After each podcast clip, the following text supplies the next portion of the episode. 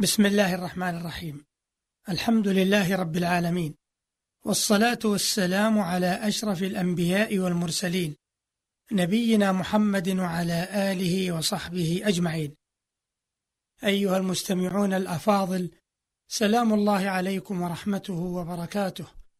أما بعد فقد مر بنا في الحلقة الماضية أن لنظام العربية اللغوي أسرارا لطيفة بديعة تشبه النظام النفيس من حيث تعلقه بالحكمة التي تضبط عواطف النفس وخطراتها.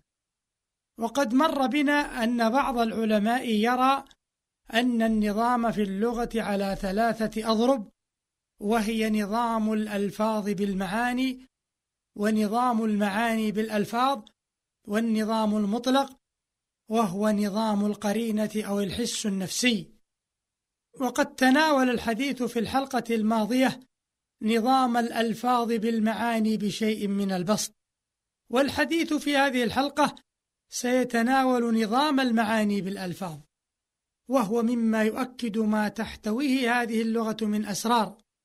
قال الرافعي رحمه الله عن نظام المعاني بالألفاظ والألفاظ في هذا النوع هي التي تسوس المعاني. وتنزلها منازلها وتضعها على أقدارها. لا من حيث إن اللفظ هو الذي يوجد المعنى فذلك ظاهر الاستحالة. ولكن على أنه هو الذي يخصص المعنى إذا كان جنسا وهو الذي يؤكد مبالغته في تلوين صورته النفسية حتى تنطق أجزاؤه وحتى يقوم كل جزء منها في البيان اللغوي مقام الكل الذي هو مادة الشعور الطبيعي. إلى أن قال الرافعي رحمه الله والعربية تعتبر أحكم اللغات نظاما في أوضاع المعاني وسياستها بالألفاظ وهي من هذا القبيل أعظمها ثروة وأبلغها من حقيقة التمدن بحيث لا تدانيها في ذلك لغة أخرى كائنة ما كانت.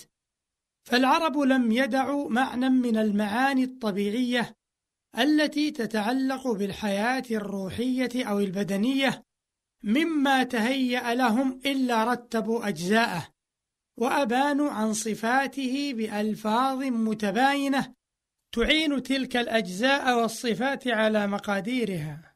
فأول معاني الحياة الروحية الحب وهذه مراتبه عندهم الهوى ثم العلاقة وهي الحب اللازم للقلب ثم الكلف وهو شدة الحب ثم العشق وهو اسم لما فضل على المقدار الذي اسمه الحب ثم الشعف وهو إحراق الحب للقلب مع لذة يجدها وكذلك اللوعة واللاعج فإن تلك حرقة الهوى وهذا هو الهوى المحرق ثم الشغف وهو أن يبلغ الحب شغاف القلب وهي جلدة دونه.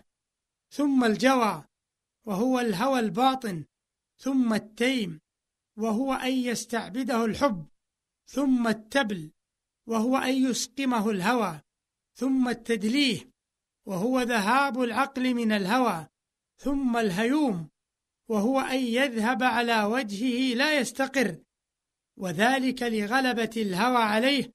ومنه رجل هائم. وكذلك فعلوا في معاني السرور والعداوة والغضب والحزن والسرعة وغيرها.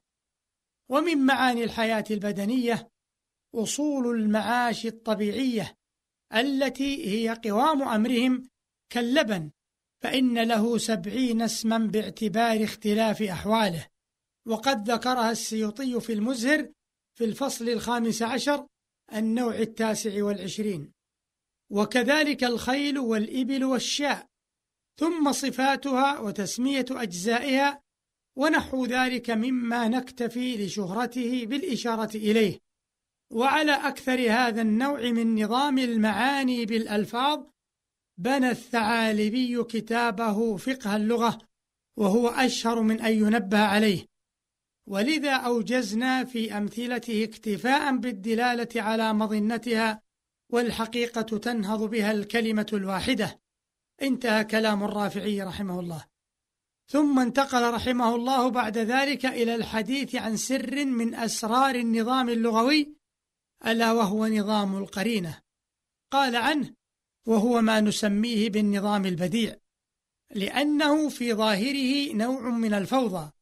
وذلك أنهم يعتمدون في ضرب من كلامهم على اللمحة الدالة والإشارة التي تقع موقع الوحي وعلى أضعف أثر يشير إلى وجه الكلام ومذهبه ويهدي إلى طريق المعنى فيه. ثم يطلقون الكلام إطلاقا غير مقيد بنظام ولا متبع لطريق غيره من سائر الكلام وذلك نظم ينفردون به. ولا تجد القليل منه في لغة غيرهم إلا حيث تصيب أدلة النبوغ في أشعر الشعر ومأثور المنثور. وقد سماه علماؤنا سنن العرب وعقد الثعالبي على أمثلة منه القسم الثاني من كتابه فقه اللغة وسماه سر العربية.